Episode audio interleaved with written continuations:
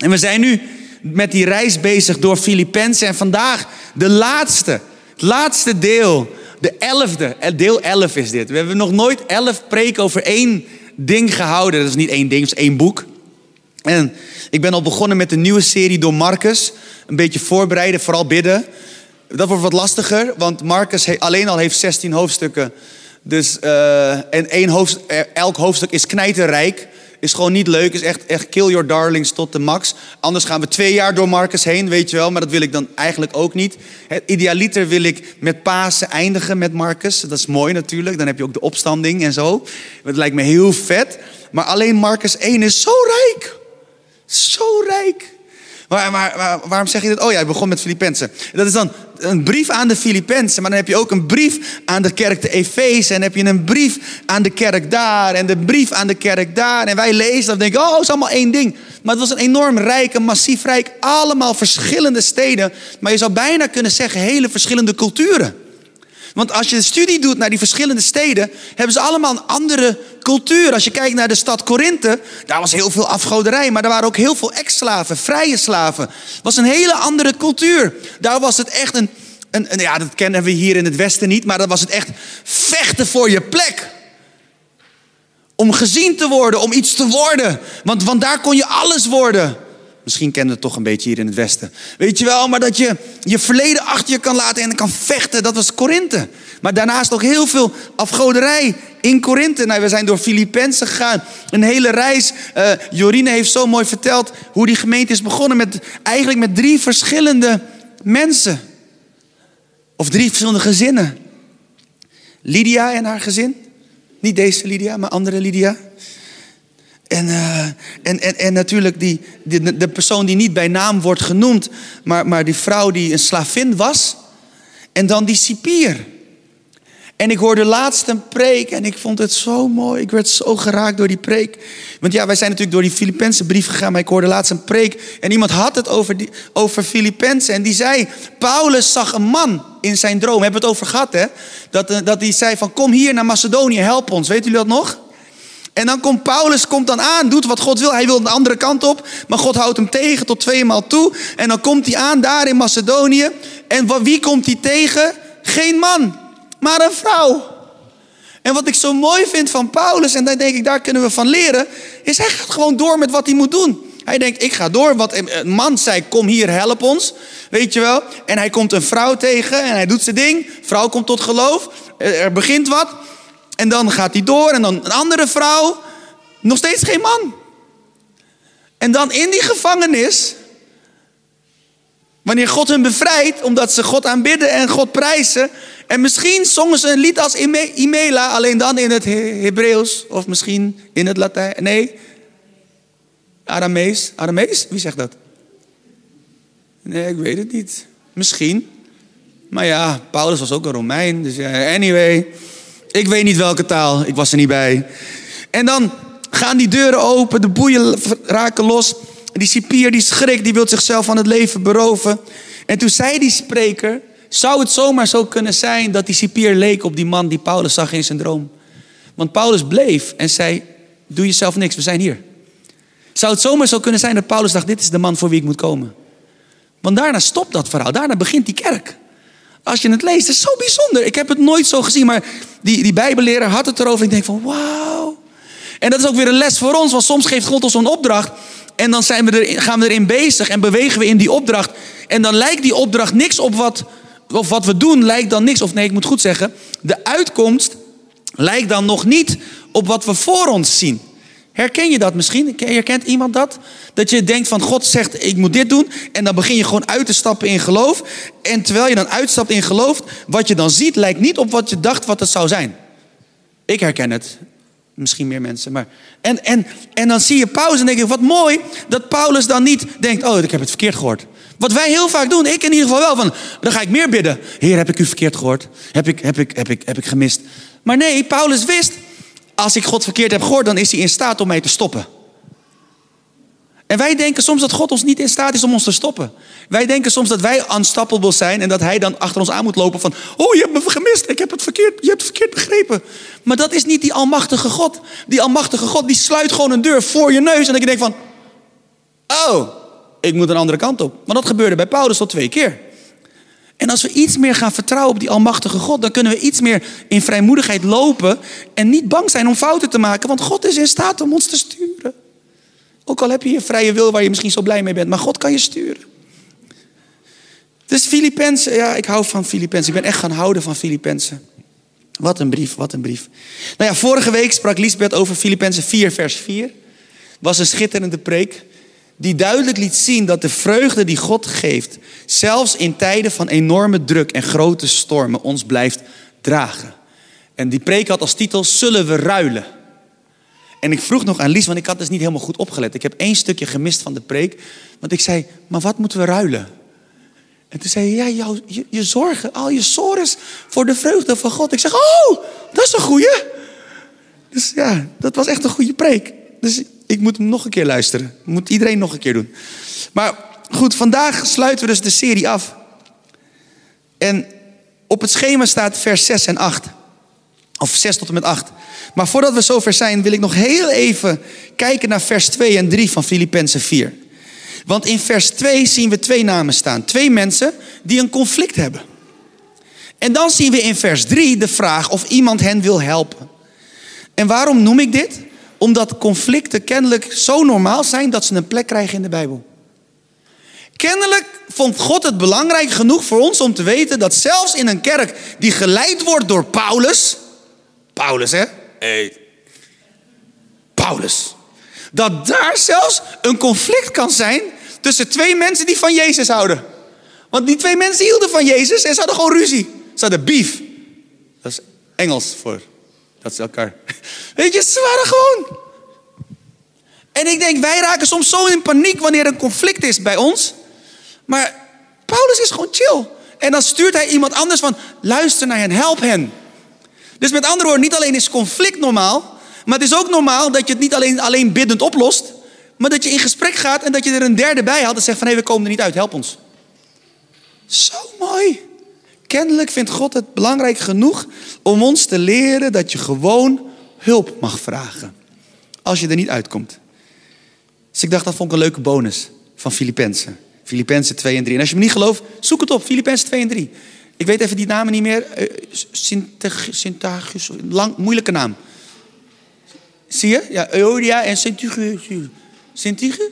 Sintige, ja. Wat, wat zegt. en het leuke is, de persoon die dan moet helpen, die wordt niet genoemd. Kijk maar, staat er niet in. Vers 3, geen naam. En er zijn allemaal bijbelleraren die hebben allemaal bedacht, oh dat zal wel die zijn, dat zal wel die zijn. Maar ik denk dat er bewust geen naam staat. Maar dat leert ons, iedereen kan helpen. Iedereen heeft iets te brengen om te helpen. Want Paulus wist heel goed wat hij deed. En de Heilige Geest zeker. Dus, kleine bonus. Maar nu gaan we beginnen met de preek. Vers 6, Filippenzen 4. Ik ben altijd enthousiast na een conferentie. Vooral na een vrouwenconferentie. Die vrouwen zijn, staan in vuur en vlam. Ongelooflijk. Die vrouwen, Wojo, echt volgend jaar, als je man bent, ik zou gewoon opgeven als vrijwilliger. Je wordt gezegend. Je komt er rijker vandaan. Je wordt een betere man. Echt ongelooflijk. Het, het, is vuur wat die vrouwen doen. Eigenlijk zouden we gewoon een vrouwenconferentie moeten organiseren voor de mannen. maar echt, jongens, het was zo vet. Het was zo vet. Oké, vers 6. Wees over niets bezorgd, maar vraag in alle omstandigheden aan God wat u nodig hebt en dank Hem in uw gebeden. Dan zal de vrede van God, die alle verstand te boven gaat, uw hart en gedachten in Christus Jezus bewaren. En dan vers 8. Ten slotte, broeders en zusters, laat u leiden door al wat waar is, al wat edel, rechtvaardig, zuiver, beminnelijk en eervol is. Kortom, door al wat deugzaam is en lof verdient. Iedere keer als ik vers 8 lees van Filippenzen 4, moet ik denken aan mijn kleine zusje, die niet meer zo klein is, Caressa. Want vroeger vond ze dat een hele mooie vers, weet je dat nog? Had je het uitgeschreven, had je er een soort artwork van gemaakt. Typografie in het Engels. Maar iedere keer moet ik daaraan denken. Het is zo mooi. En ik denk, het is mooi om aan het eind van deze reis door deze woorden heen te gaan. Allereerst de woorden van vers 6. Wees over niets bezorgd, maar vraag in alle omstandigheden aan God wat u nodig hebt en dank Hem in uw gebeden. Het eh, eh, mooie is, Paulus roept zijn lezers op om over niets bezorgd te zijn. Maar dat zegt hij niet omdat hij wil dat we ons om niets zorgen hoeven te maken. maar omdat hij gelooft dat wij onze zorgen altijd aan God mogen geven. Want hij zegt, wees over niets bezorgd, maar vraag in alle omstandigheden aan God wat u nodig hebt. Dus je mag wel een soort van je zorg hebben, maar wanneer je ze hebt, breng ze bij God. Geef ze aan God. We hebben erover gezongen. Mineke had de preek niet gezien, maar ze zong het. God will work it out. God will work. Heb je zorgen, maak je zorgen om iets? Breng het bij God. God will work it out. Breng het bij Hem in alle omstandigheden en dank Hem in uw gebeden. Dus vraag niet alleen, maar dank God ook. Die combinatie van vragen en danken maakt dat we afhankelijk zijn van Hem en zorgen ervoor dat, we, dat onze nood geen zorg wordt. Omdat we het al hebben gegeven aan God. En het klinkt zo simpel en heel makkelijk. Maar ik denk dat we dit gewoon een week moeten proberen. Probeer het een week. Ik wil je uitdagen, probeer het een week. Als het moment dat je over iets zorgen begint te maken, of je een nood ziet, een, een, een, een probleem, een, een beer op de weg. Als je iets ziet waarvan je denkt van, dit, dit kan wel problemen geven. Voordat het een zorg wordt in je hoofd, geef het aan God. En waarom? Ik ga, ik, ga je, ik ga je zeggen waarom. Echt waar. Kijk. Ik kan het wel vertellen, denk ik. Ja, ik kan het wel vertellen. Ik had een oud-oom, een hele lieve oud-oom. En die oud-oom die stond altijd voor ons klaar. Hij leeft niet meer. Het is een van de meest lieve mensen die ik ken. Mega vrijgevig, mega lief. Dus altijd als ik een probleem had, op welk front dan ook. Als het met materie of financiën te maken had. Ik hoefde maar hem te bellen. En dan zei Gil, maak je niet druk, ik help je. En dan gaf hij er ook altijd een wijze les bij, zodat ik het niet nog een keer zou maken, die fout. Dus dat hij, hij, hij hielp me.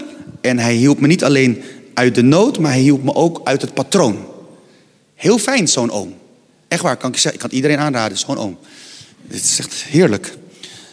Maar het, het zorgde ervoor dat ik me dus geen zorgen maakte. Want als ik een nood had op zo'n gebied, omdat ik iets doms had gedaan of niet, iets niet wist, dan kon ik bij hem aankloppen. En dan wist ik, als ik bij hem aanklopt, klop, wordt het opgelost.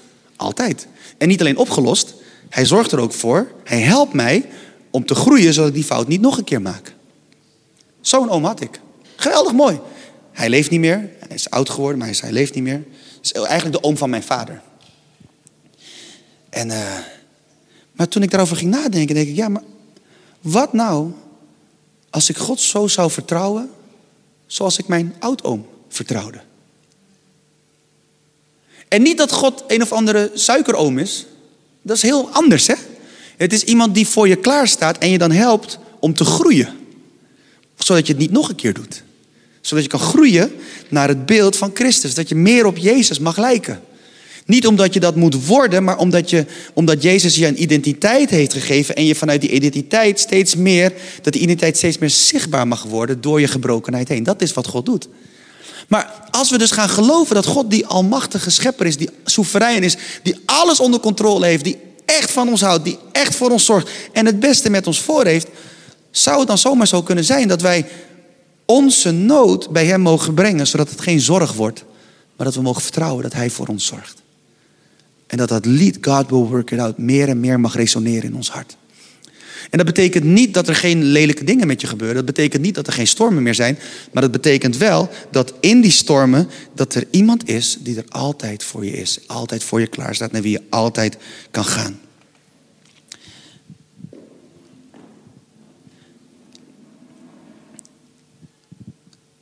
En ten tweede, hè, ik zei laten we dit een week proberen. Laten we het gewoon doen. En tegelijk geloof ik dat we ook in dat alles onze verantwoordelijkheid mogen nemen. Dat wat we kunnen doen, dat we dat mogen en misschien zelfs moeten doen. En waarom zeg ik dat we dat zo moeten doen en dat kunnen doen? Nou, afgelopen week tijdens een van de daily devotionals, we zijn bezig met de reis door Kronieken, 2 Kronieken 32. Maar in 2 Kronieken 32 zien we dat koning Jegiskia, in het Engels heet hij Hezekiah, dat vind ik veel cooler dan Jegiskia. Wie vindt dat meer ook, cooler klinken? Hezekiah. En dat is ook, is ook, een, is ook een, een gospelzanger, Hezekiah Walker. Is super. Ken je dat liedje?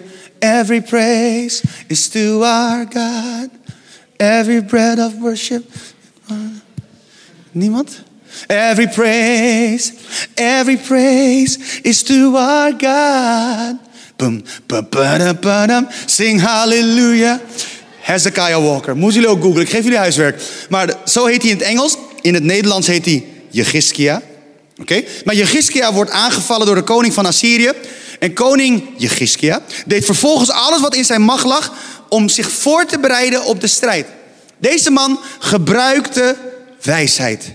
Maar alles wat hij kon doen was niets in vergelijking met de geweldige overmacht van de tegenstander die naar hem toe kwam. En weet je wat ik hiervan leer? Is dat we altijd mogen doen wat we kunnen. Ik weet niet of je dat herkent, maar soms als er een nood is of een strijd aankomt of iets.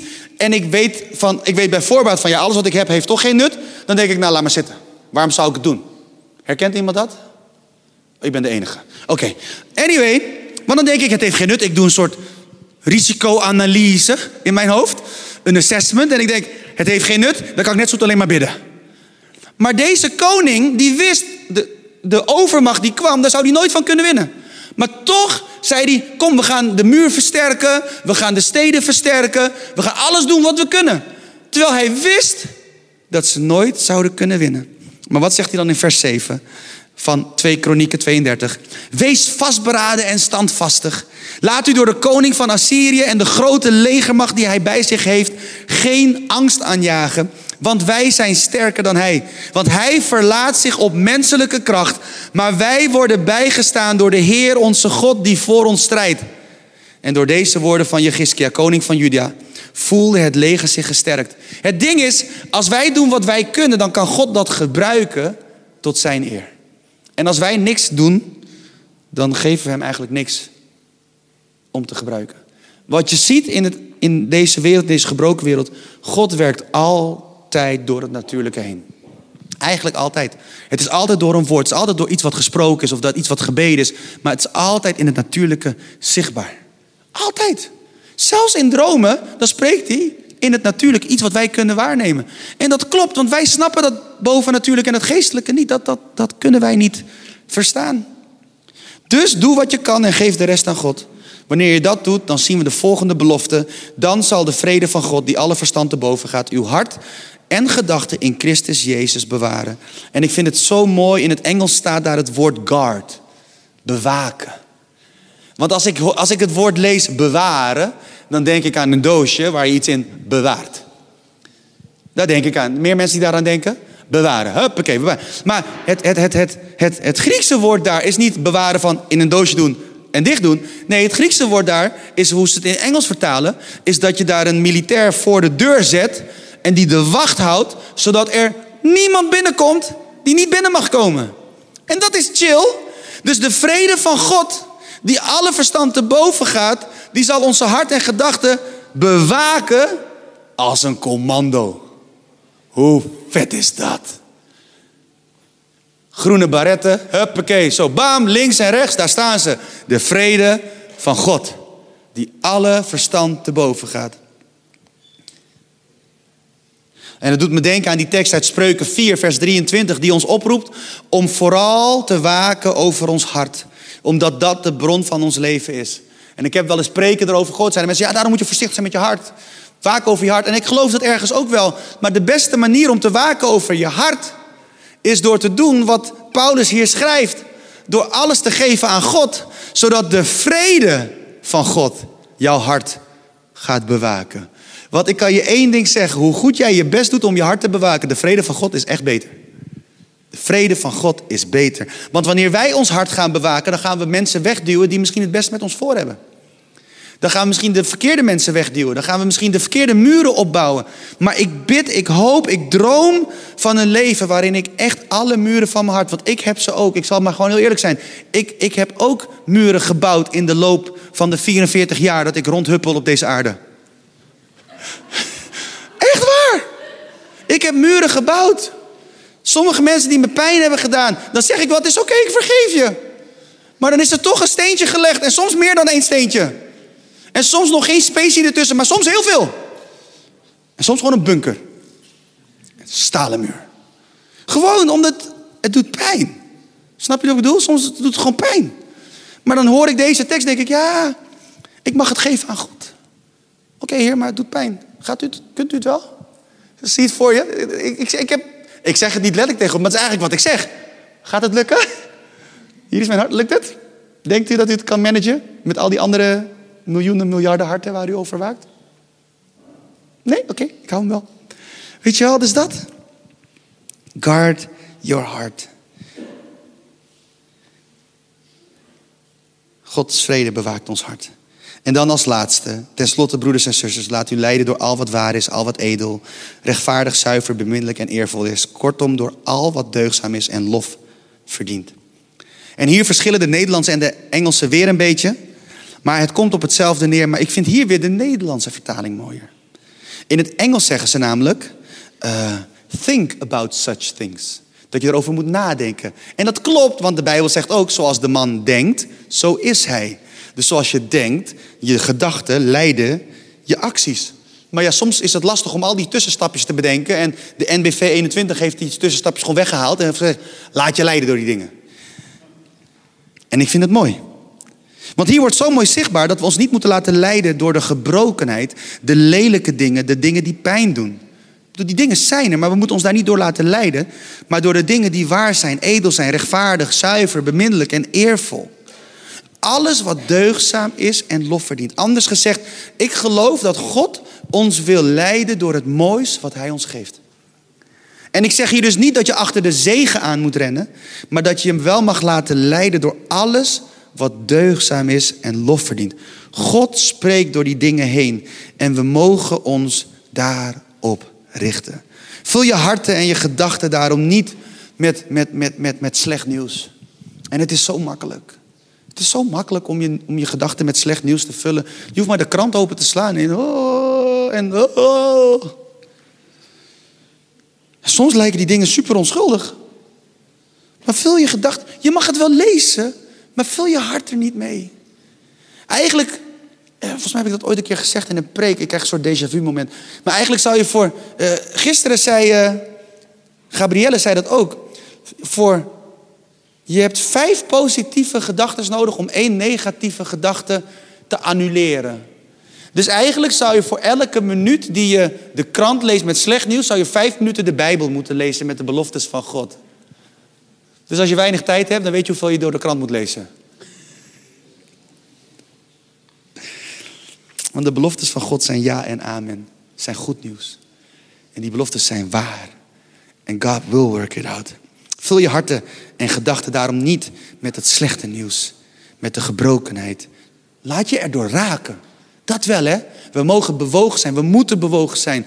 We mogen ons erdoor laten raken. Maar vul je hart en gedachten dan met het woord van God. Want te midden van gebrokenheid wil Gods woord luider spreken. En wilt Hij zijn waarheid spreken. En daarom ben ik zo dankbaar voor het thema van volgend jaar van Brave. En wie weet wordt dat een soort jaarthema van Reconnect. Ik heb geen flauw idee. Maar rise and shine. Te midden van gebrokenheid. Niet omdat we all dead zijn, omdat we het allemaal bij elkaar hebben, allemaal snappen. Nee, te midden van gebrokenheid, te midden van tranen, te midden van verdriet, te midden van de dingen die we zien en de dingen die ons hart breekt. Zoals ook zingen. En gisteren zong Esther dat lied. Uh, genees mijn hart en maak het rein. Zoals in het Engels. Break my heart for what breaks yours. Everything I am for your kingdom's cause. As I walk from earth into eternity. Break my heart for what breaks. Dus laat je hart breken, maar vul je gedachten en je hart met het woord van God. Zodat dat er doorheen mag komen, door die gebrokenheid heen. En dan geloof ik dat we met onze levens dan God eerst zullen brengen. En mooier misschien nog, dat we dichter naar Hem zullen groeien. En de mensen in onze directe omgeving ook dichter naar Hem zullen groeien. Ik denk dat het een hele mooie conclusie is van onze reis door Filippenzen. Laten we dat met elkaar doen. En ik uh, wil graag een moment nemen van gebed. Gaan we God danken voor deze reis. En dan wil ik God vragen om ons te helpen. Om wat we hebben geleerd in praktijk te brengen. En als je denkt, wat is er allemaal gesproken in de afgelopen elf weken? Het staat allemaal online. Op YouTube, op Spotify, iTunes ehm, en nog meer plekken. Maar je kan het allemaal vinden.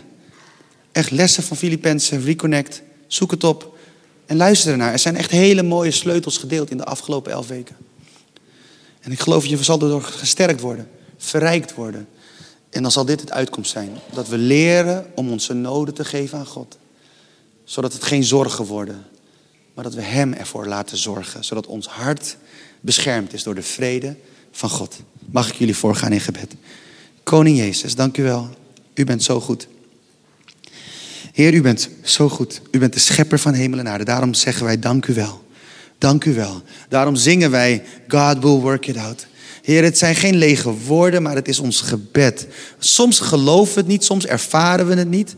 Even when we don't see it, you are, you are working. Even when we don't feel it, you are working. Heer, dat willen we gewoon beleiden. Wanneer we het niet zien, wanneer we het niet ervaren, wanneer we het niet merken, u bent daar nog steeds en u werkt en u heeft het beste met ons voor. U houdt zoveel van ons. En ik dank u wel voor ieder die hier is, de mensen die thuis meekijken, meeluisteren, de mensen die misschien dit op een ander moment terugluisteren wanneer ze aan het rennen zijn of in de auto zijn. Maar ik bid voor een ieder.